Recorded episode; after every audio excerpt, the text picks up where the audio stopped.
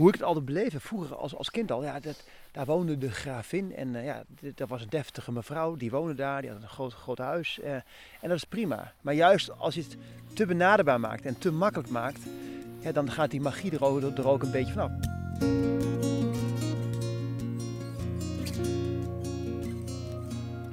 Ja, Erbe Wennemars die heeft het over het enige uit de middeleeuwen bewaard gebleven kasteel van Overijssel. Het is een pronkstuk in het Vechtdal. En de magie die Erbe beschrijft, die herken ik. Want al die keren dat ik langs dit kasteel fietste of het passeerde met de auto, dacht ik: Oh, wat zou ik hier graag eens binnenkijken. En nu is het zover. Ja, voor publiek is dit kasteel namelijk niet opengesteld, maar omdat Erbe Wennemars bevriend is met eigenaar Christian Graaf van Rechteren Limburg, zijn we voor deze podcast van harte welkom achter de verboden toegangbordjes op de oprijlaan. Kasteel Rechteren is al sinds 1326 in bezit van de adellijke familie van Rechteren. En Christian die erfde het in 2016 samen met het landgoed van zijn kinderloos gebleven tante. Onze rondleiding begint buiten in de tuin en mocht je denken, waarom tutoyeren die mannen elkaar? Nou, we zijn ongeveer van hetzelfde bouwjaar.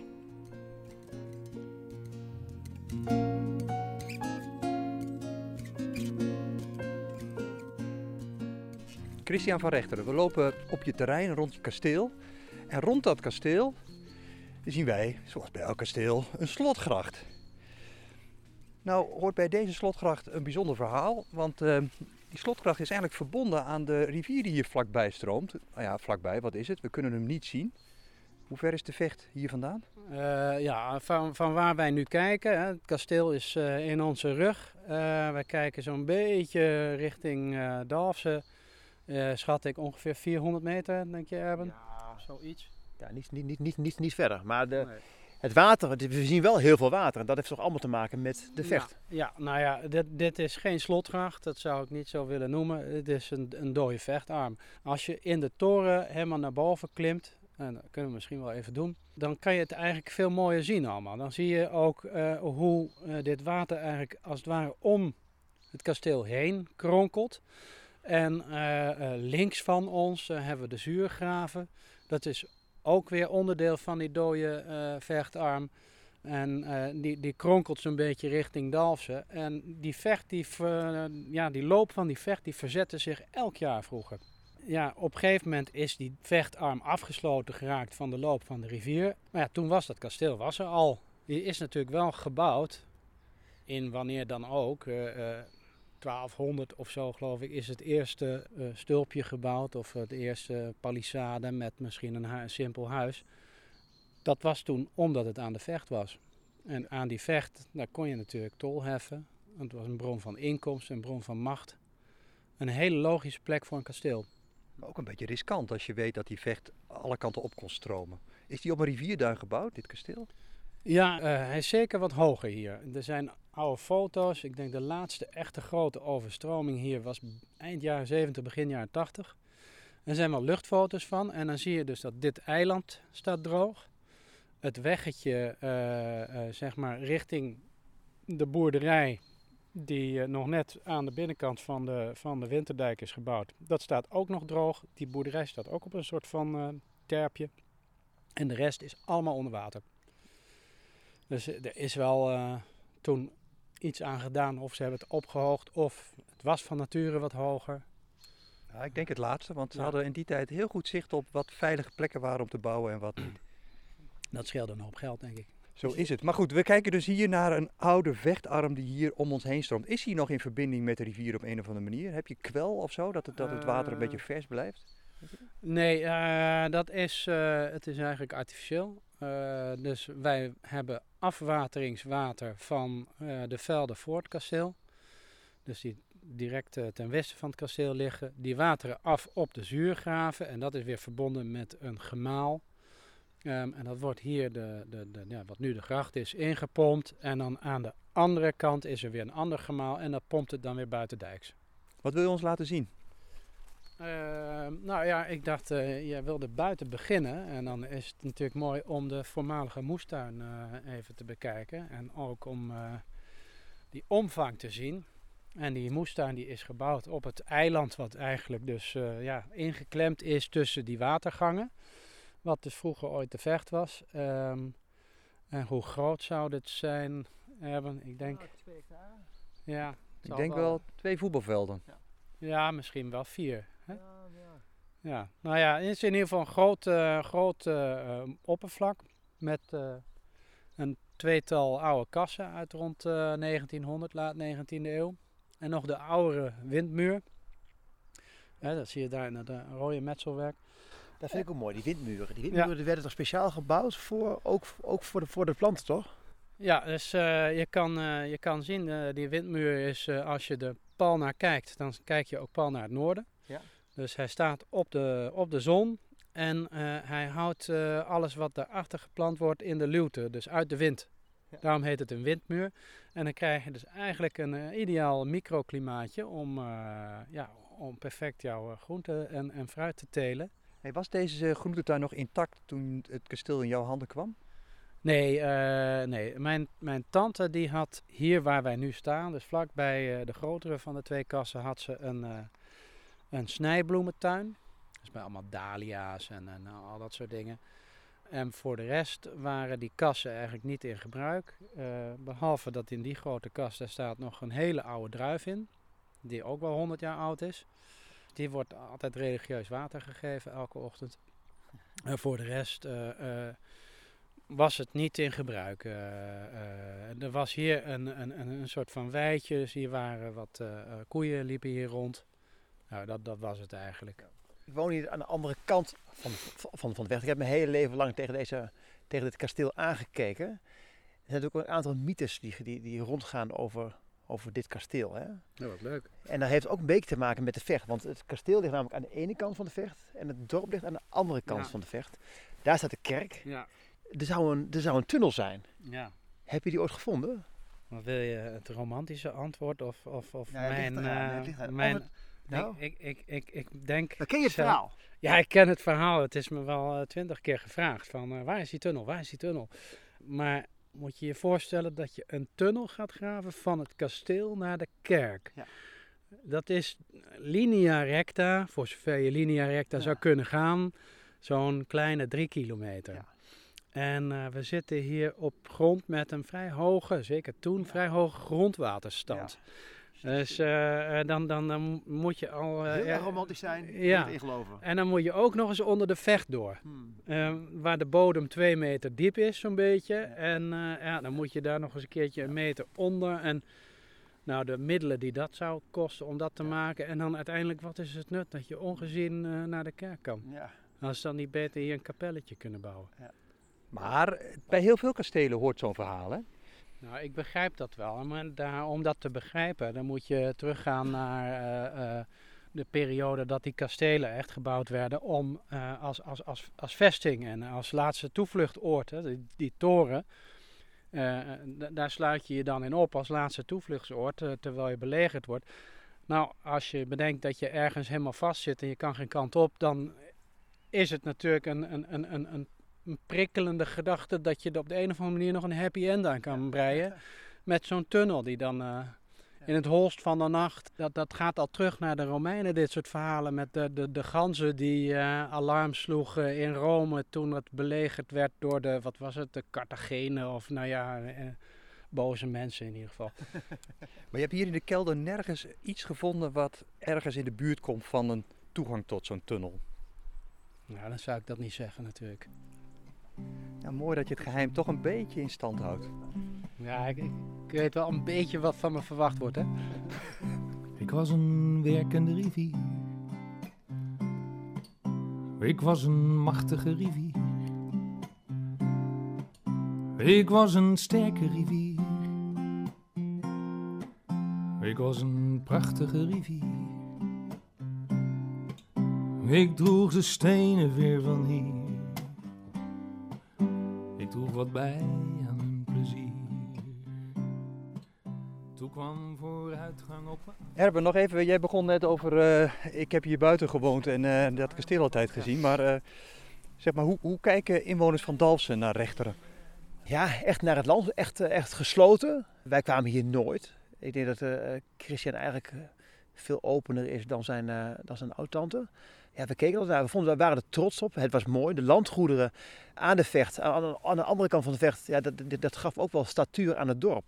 En, en het landschap is hier gewoon echt mooier. Het is echt schitterend om te zien. Daarom ben ik ook heel trots op dat al die landgoederen hier zijn.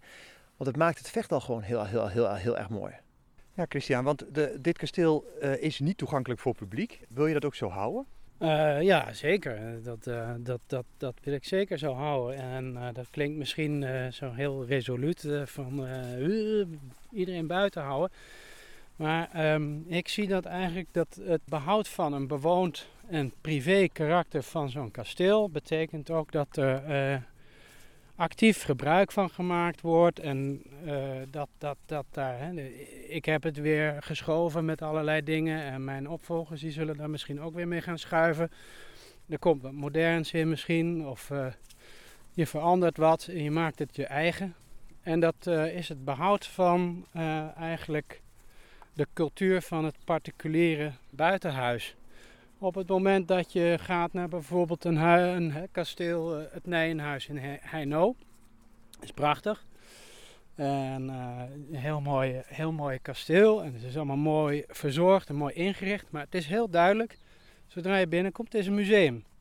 Er is een knip gezet in de tijd. En uh, er zijn overal touwtjes, je kan nergens in zitten. Ja, het is mooi dat dat ook is, maar het is ook mooi dat dit ook zo is behouden. En als dat verloren gaat, dan wordt alles een museum. En de lol een beetje vanaf. Dus de ziel gaat er dan uit, hè? Ja. Het is, gewoon een, het is gewoon een heel mooi oud gebouw, maar er zit geen, geen leven meer in. En er zit geen ziel in. Dat, dat is wel met dit kasteel. Dat maakt het ook eigenlijk hoe ik het altijd beleefde. Vroeger als, als kind al. Ja, dat, daar woonde de gravin. En uh, ja, dat was een deftige mevrouw. Die woonde daar. Die had een groot, groot huis. Uh, en dat is prima. Maar juist als je het te benaderbaar maakt en te makkelijk maakt dan gaat die magie er ook, een beetje vanaf. En dan, wat Christian ook zegt, die knip, die knip die zal misschien ooit een keertje gezet moeten worden. Hè? Maar ja, het liefst natuurlijk zo, laat mogelijk. Hè? Dat als, als, mij over honderden jaren pas. Maar als het nu gebeurt, dan, dan is het dus alles wat hierna gebeurt, is het vanaf dit moment. Dus die, uh, en dat is Nijhuis, is, is denk ik daarin wel een, wel een mooi voorbeeld. Het is een prachtig museum. Maar ik loop er doorheen en het is, het is koud, het is, uh, het is een prachtig pand. Maar ik kom er niet voor wie daar gewoond heeft, uh, uh, hoe daar geleefd is. Nee, ik kom daar om kunst te kijken. Maar goed, in zekere zin leef jij dan wel museaal? Uh, ja, ja, misschien ben ik zelf ook een soort museum wat dat betreft dan. Hè? Ja, je bent een museum, hè?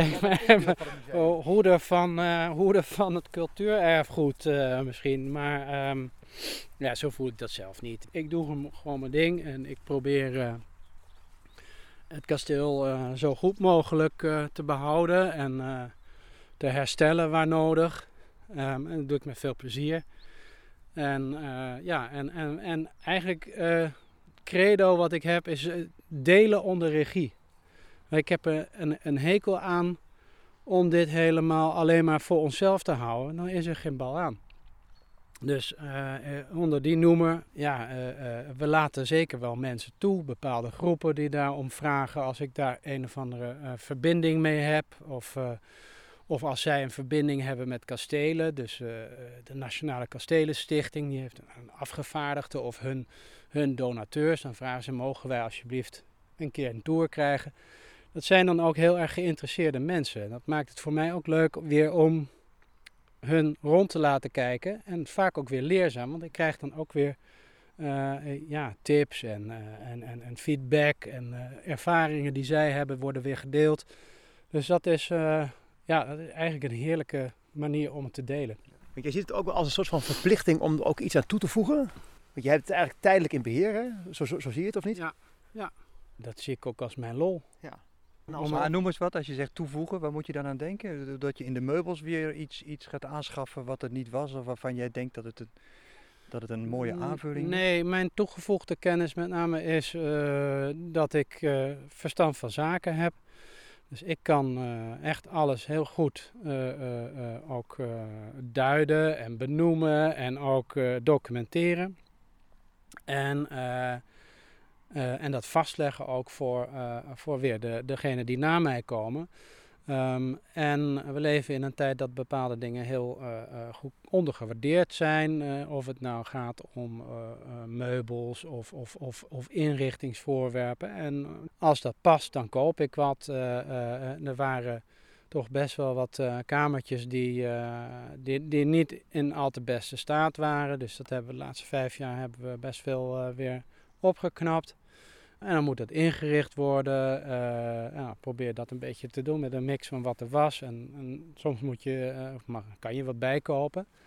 En dan, uh, dat, is, dat is een groot plezier om dat te kunnen doen. Wat voel je nou? Ik sta, we staan hier in de tuin en we kijken op het, op het kasteel uit.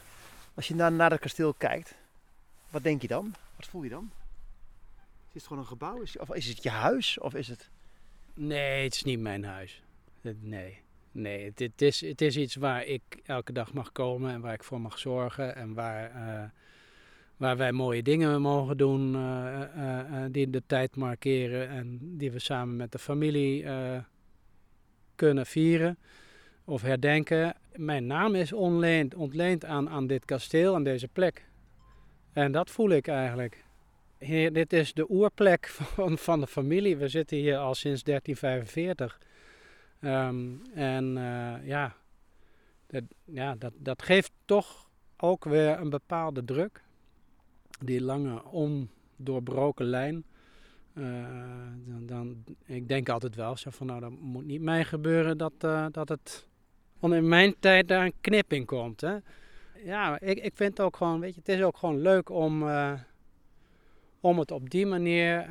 het is toch heel anders dan als je aangesteld zou worden als uh, hoofdcurator of zo van, uh, van, van zo'n huis. Ja, dan, dan ga je naar huis en dan uh, kijk je naar je eigen huis met naar de problemen of wat dan ook. en dit, is, ja, dit, dit, dit speelt toch eigenlijk wel dag en nacht. Dat je eraan denkt of dat je mee bezig bent op een of andere manier. Christian, je hebt dit kasteel geërfd van je tante, maar je hebt besloten om er niet in te gaan wonen met je gezin. Nee, ja, wij wonen nu in, in Zwolle met onze vier zoons. En dat heeft toch echt wat te maken met uh, het, het, praktische element. Uh, we zijn met te veel om op een praktische manier in, in dit huis te wonen, dicht bij elkaar. Het kan natuurlijk makkelijk, want je kan hier met, uh, op dit moment kan je hier met 22 mensen slapen. Maar als je echt kamers voor elkaar in gaat richten, ja, dan zit de ene aan, aan, aan de ene kant en de andere zit 50 meter verder. En ja, dan kan het gewoon zijn dat je elkaar de hele tijd aan het nalopen bent. Het is gewoon niet, het voelt niet als een family unit. En uh, daarnaast gaan de kinderen allemaal op school in Zwolle. En uh, hun sociale leven is daar. Dus dat geeft hun gewoon veel meer vrijheid. En ons ook veel meer tijd om het zo te doen. En ik, uh, ik rij hier elke dag gewoon in een kwartiertje naartoe. En dan ben ik hier. En we zijn ook heel vaak, ook met de kinderen hier. Maar de kinderen zijn hier ook wel vaak zonder ons. Dan wordt er gevraagd, mogen wij een, eh, een feestje geven dit weekend? Dat moet je niet voorstellen, een enorm feest met lampen en disco of zo. Maar dan nodigen ze wat uh, vrienden uit en dan gaan ze daar een nachtje slapen. Ja, niet slapen, maar... We gaan de toren in, of niet? Hè? Ja, lijkt me wel leuk. Ja. Toen kwam vooruitgang op me af en sneed de armen van me af. Hij zit te stuwen in mijn lijf en maakte mijn oevers recht en stijf. Ik liet mijn tranen alsmaar gaan, totdat het ooit voorbij zou gaan.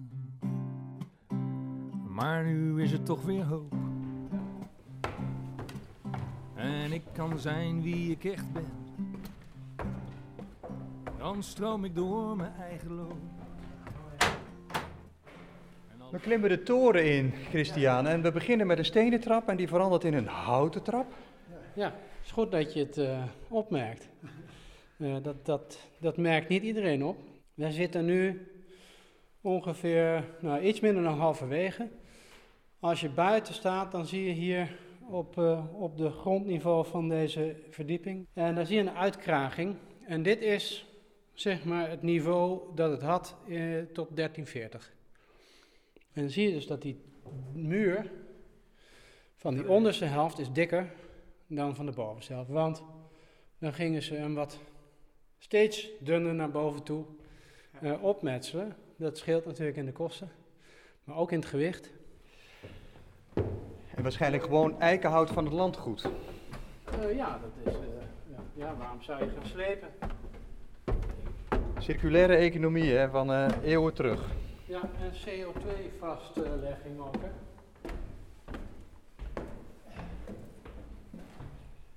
Is het vleermuizenpoep? Nee, ja, dat is de clustervlieg. De clustervlieg. Aha. Ja, eh, dat is verschrikkelijk. Die komen elk jaar weer terug. Ehm, je kan ze al wel zien. Oh ja, daar zitten ze die hoopjes bij elkaar. Zwarte, zwarte clusters. Daarom heet ze ook clustervlieg. Een hele slome vlieg. Ze komen hier overwinteren en eh, nou, zeker 90% overleeft het niet. Maar die paar die het wel overleven, die gaan naar buiten en eh, die leggen eitjes.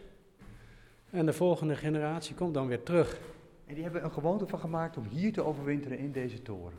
Zij herkennen de geur van hun voorgangers. Dus zij komen af op de geur van de dode eh, voorouders eigenlijk. Ehm, en dan, eh, ja, dan gaan ze daar, dan weten ze dat te vinden. En dan kruipen ze door die kieren en naden. En hoe hoger je komt, hoe meer er zijn. Bizar, want ik zie hier al echt honderden vliegen. Ja, eh, in het voorjaar heb je hier een soort zwart tapijt. Maar eh, je vindt ze ook in, in nieuwbouwhuizen, in Phoenixwijken. eh, maar ze gaan altijd zo hoog mogelijk. En, daarom zitten ze niet direct in jouw zone, in jouw leefzone. En de meeste mensen merken ze misschien niet eens op. Dus, maar hoe verder we naar boven gaan, hoe meer we ze zullen aantreffen. En eh, dan krijgen ze ook gezelschap van de wans. Eh, en eh, eh, lieve heersbeestjes. en, en ook hele kleine, minuscule, vettige vliegjes. Ik weet niet hoe die heten, maar ja, het- leeft en het bruist. Hè? Ja.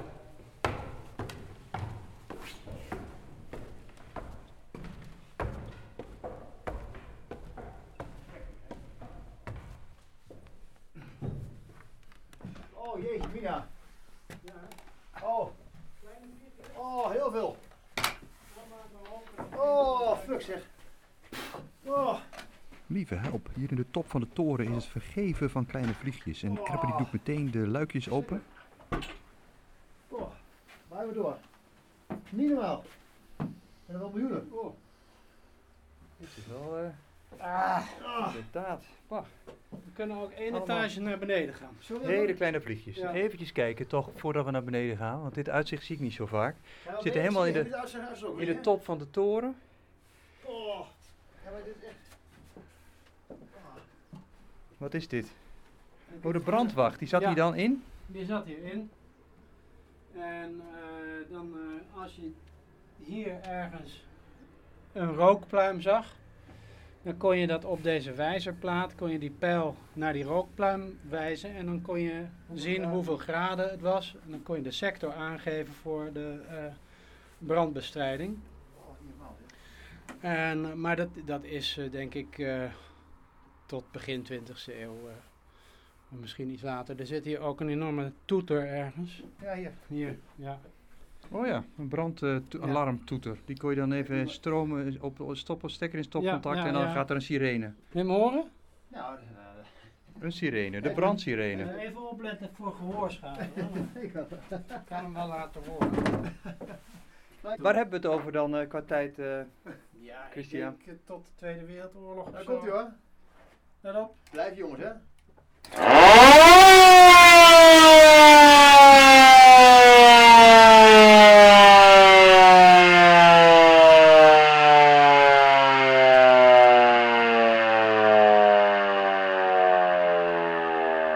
Blijf, we blijven jongetjes, hè. Lieve help. Wat een herrie. Wat een geweldig ding, zeg. Ja, het moet wel Het in, helpt- in het het helpt. dorp te horen zijn natuurlijk. Hè? Dus dan zat hier iemand in die toren, die hield in de gaten of er ergens brand was. En als hij dan brand ontdekte, dan ging hij precies aangeven op welke breedtegraad het was. En dan zette hij de sirene aan en Ja. dan kon hij het dorp waarschuwen van eh, Ja, bosbrand. maar ja, ik weet niet hoe ze dan communiceerden met elkaar. Maar, maar een paar jaar geleden was er een pyromaan hier in de buurt. Ja, Nog, klopt. ja. Heb je de toren nog, nog gewoon gebruikt weer? Ja, toen is hier brandwacht geweest. Dat klopt. Echt waar? Ja, Ja. ja. Oh.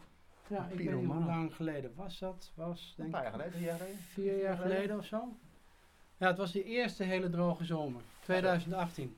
Als we hier naar buiten kijken vanuit deze toren, dan zien we dus dat het hele landschap aan deze kant, en dan bedoel ik eigenlijk de, ja wat is deze kant van de vecht? Hoe wil je dat Eh, uitdrukken? noordkant.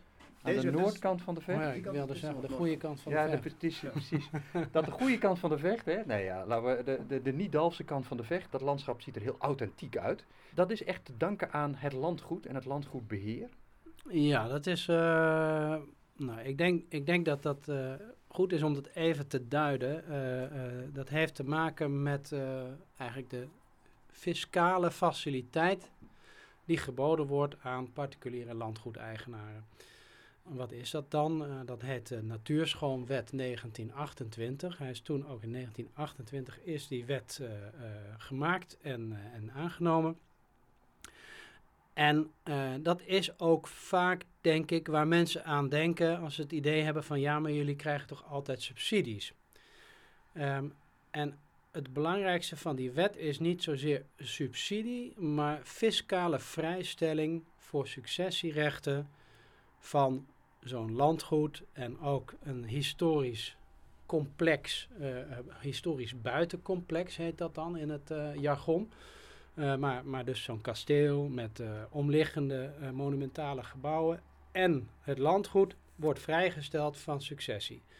Nou, zou natuurlijk niet zo zijn dat dat zomaar hè, van oké, je bent een hele oude familie en je hebt een een flinke lap grond. nou, dat, dat is jammer als dat opgesplitst raakt hier. Alsjeblieft een, een fiscale regeling. Daarvoor moet je dus voldoen aan bepaalde cultuurlandschappelijke eisen. En de belangrijkste is eigenlijk wat zich laat zien in een vorm van coulissenlandschap, het kleinschalige landschap. En dat is dat je elke 20 hectare moet omzoomd zijn door een, een laan of een houtwalletje of een heg of er moet een waterpartij. Uh, voor de rest moet je minimaal 30% bos hebben op je landgoed. Um, mag ook in de vorm van natuur zijn natuurlijk. Um, en je moet ook openstellen. Um, dus het landgoed is ook opengesteld. Dat is wat anders dan kasteel openstellen. Het landgoed openstellen betekent dat er hier diverse wandelpaden zijn op het landgoed. Onder andere een hele geliefde door de uiterwaarden. Maar in het bos zijn er vele meer. Um, en die moeten ook onderhouden worden. Um, en het voorkomt dat bij vererving dit soort uh, eigendommen afbrokkelen, verkocht moeten worden. En daardoor uh, kan je dus ook zo'n uh, kasteel in stand houden. Eigenlijk bijna iedereen die zo'n bezit heeft, is denk ik van mening dat wij dat veel uh, zorgvuldiger door de emotionele betrokkenheid en goedkoper kunnen beheren dan ja, een instantie waar mensen van 9 tot 5 komen, 36 uur per week en alles in, in, in, in overleg moeten doen en dergelijke. Dus ja, dat, dat is denk ik de meerwaarde. Niet alleen voor de familie, hè, want dat, uh, dat besef is natuurlijk ook. Het is een voorrecht om dit te mogen doen. En het is ook een voorrecht dat we in Nederland zo'n fantastische regeling hebben. Dat is in het buitenland, dat is nergens anders zo. Maar het zorgt er ook voor dat dit soort plekken op deze manier behouden kunnen worden.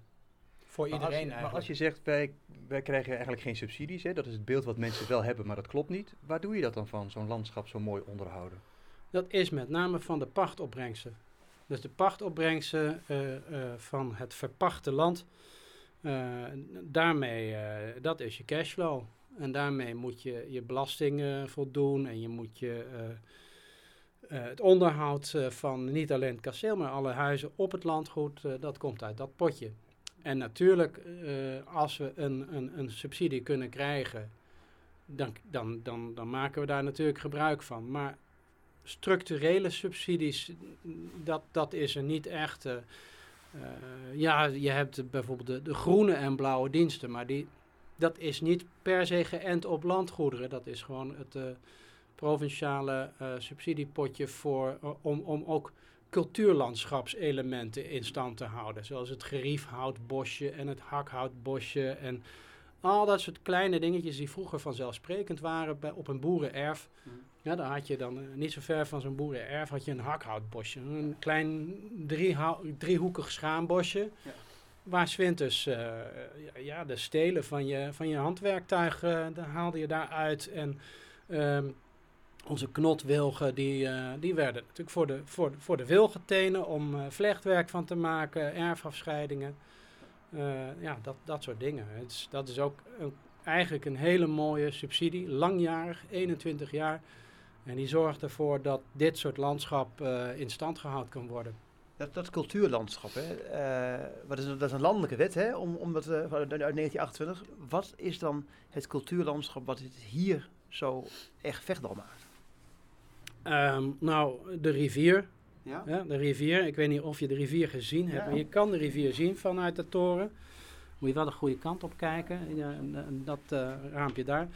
Ehm, die is overal eh, vertegenwoordigd. Bij het kasteel is het natuurlijk wat je de gracht zou kunnen noemen, maar wat toch echt wel duidelijk hè, de, de overblijfselen van de rivier de Vecht is.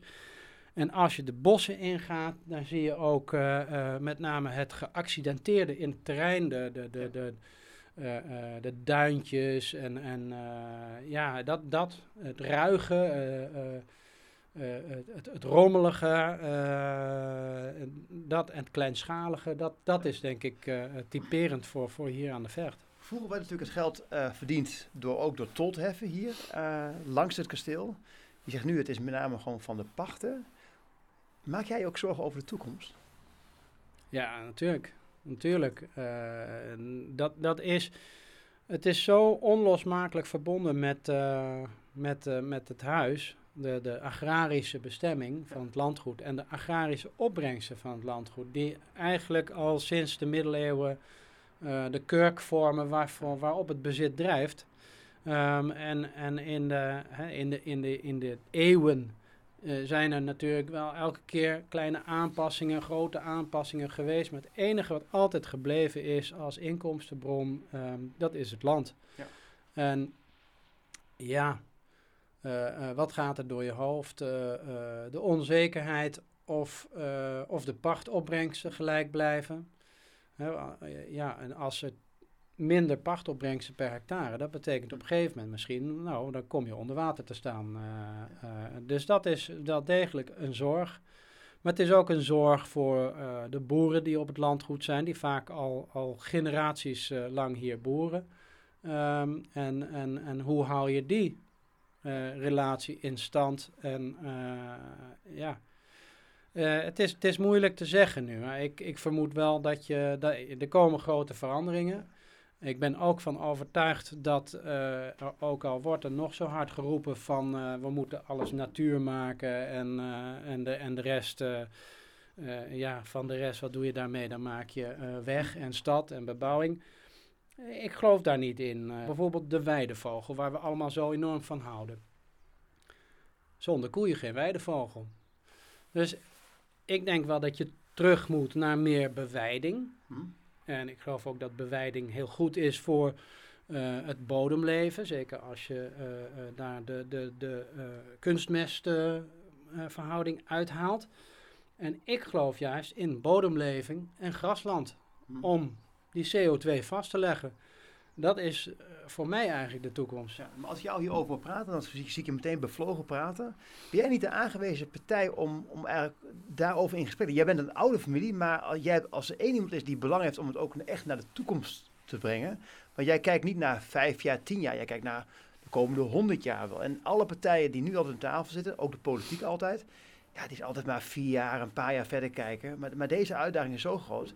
En je hebt land, je hebt, je hebt schaal. Dit is eigenlijk een hele mooie, hele moderne proeftuin zou het kunnen zijn om, nou, om de toekomst eh, veilig te stellen. Ja, wij, wij, eh, wij, wij zijn ook begonnen met een eh, soort proeftuin. Ehm, dat is een programma dat wordt door ons, voor ons gerund door Boerenverstand. En dat is een club die al heel lang bezig is met circulair landbouw en het begeleiden van agrariërs om een bedrijfsplan op te stellen op basis van circulariteit. Ehm, en om ook te kijken bij elke boer, waar kan je wat halen? Want bij de ene boer kan je meer halen in de kostenbesparing uh, en bij de andere kan je meer halen met uh, uh, reductie in ammoniak. Maar het is niet alleen stikstof, het is een hele, eigenlijk, het, het lijkt wel op de waaier, op het cirkeltje van Triviant. Ja. Met dan nog een paar extra wiggetjes erin. Hè? Ja. En dat is de uitdaging om te gaan kijken op, op, op niveau van bedrijfsniveau naar wat kan je makkelijk behalen? Waar kan je als eerste gaan scoren?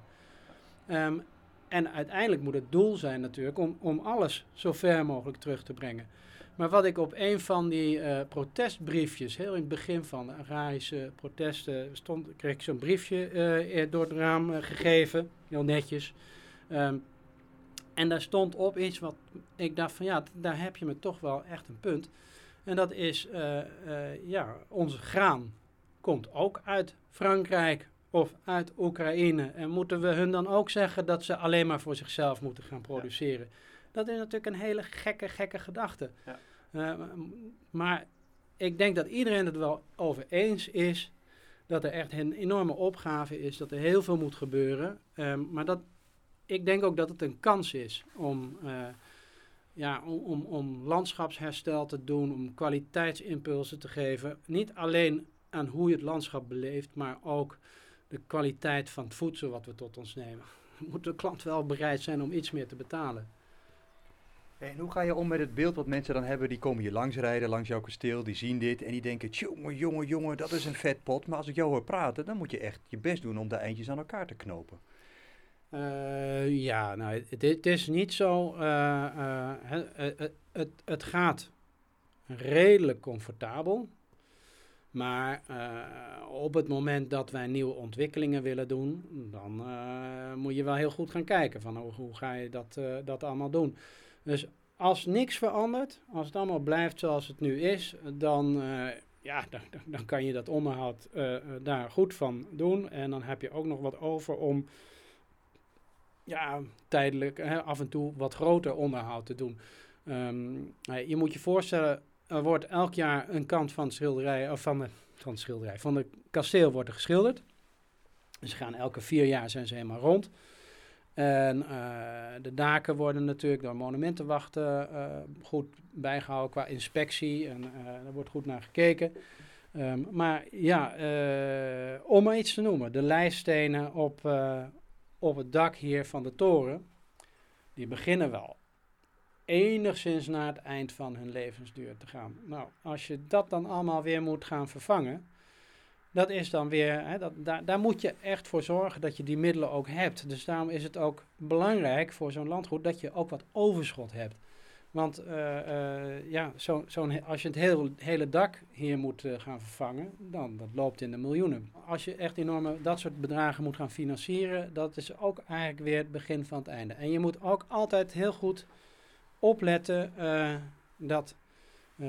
Ik denk altijd, weet je, als ik, als ik ergens drie of vier ton in moet investeren, maar dat het daardoor de opbrengst van zo'n object blijvend verhoogt, waardoor je eigenlijk je, je jaarlijkse inkomsten, en daar moet je heel erg op letten. Dus eigenlijk, het is, het is net als met Monopoly. Uh, als je een beetje een leuk Monopoly speelt, dan weet je eigenlijk dat je eigenlijk nooit geld moet hebben in je zak je moet zorgen dat je straatjes koopt, dat je altijd, al je geld moet altijd geïnvesteerd worden. Maar het wordt allemaal in het landgoed geïnvesteerd, zodat het renderend vermogen altijd uh, op peil blijft of, of zelfs verbetert. Weet je, je hoopt natuurlijk ook dat je uh, het beter kan gaan doen uh, om buffers op te bouwen voor de toekomst. Je hebt een horizon van, van meer dan één generatie altijd in je hoofd. We denken altijd van nou, wat, wat heeft mijn opvolger gedaan. Dus dan kan je ook soms een investering maken die een, als je dat gewoon puur voor, om voor geld gewin doet, dat het uh, totaal geen zin heeft. Maar langjarig wel. En ik kan zijn wie ik echt ben. Dan stroom ik door mijn eigen loop. En alle plekjes die ik ken. Ik draag het water ver van hier. En geef iedereen hier in de top van de toren van kasteel Rechteren in Dalsen zetten we een punt achter deze aflevering van Vechtverhalen. Waarin graaf Christian van Rechteren Limburg een openhartig inkijkje gaf achter de verboden toegangbordjes van zijn kasteel. Niet geschreven, niet gemaakt. Het zijn de regels van het zijn. De regels van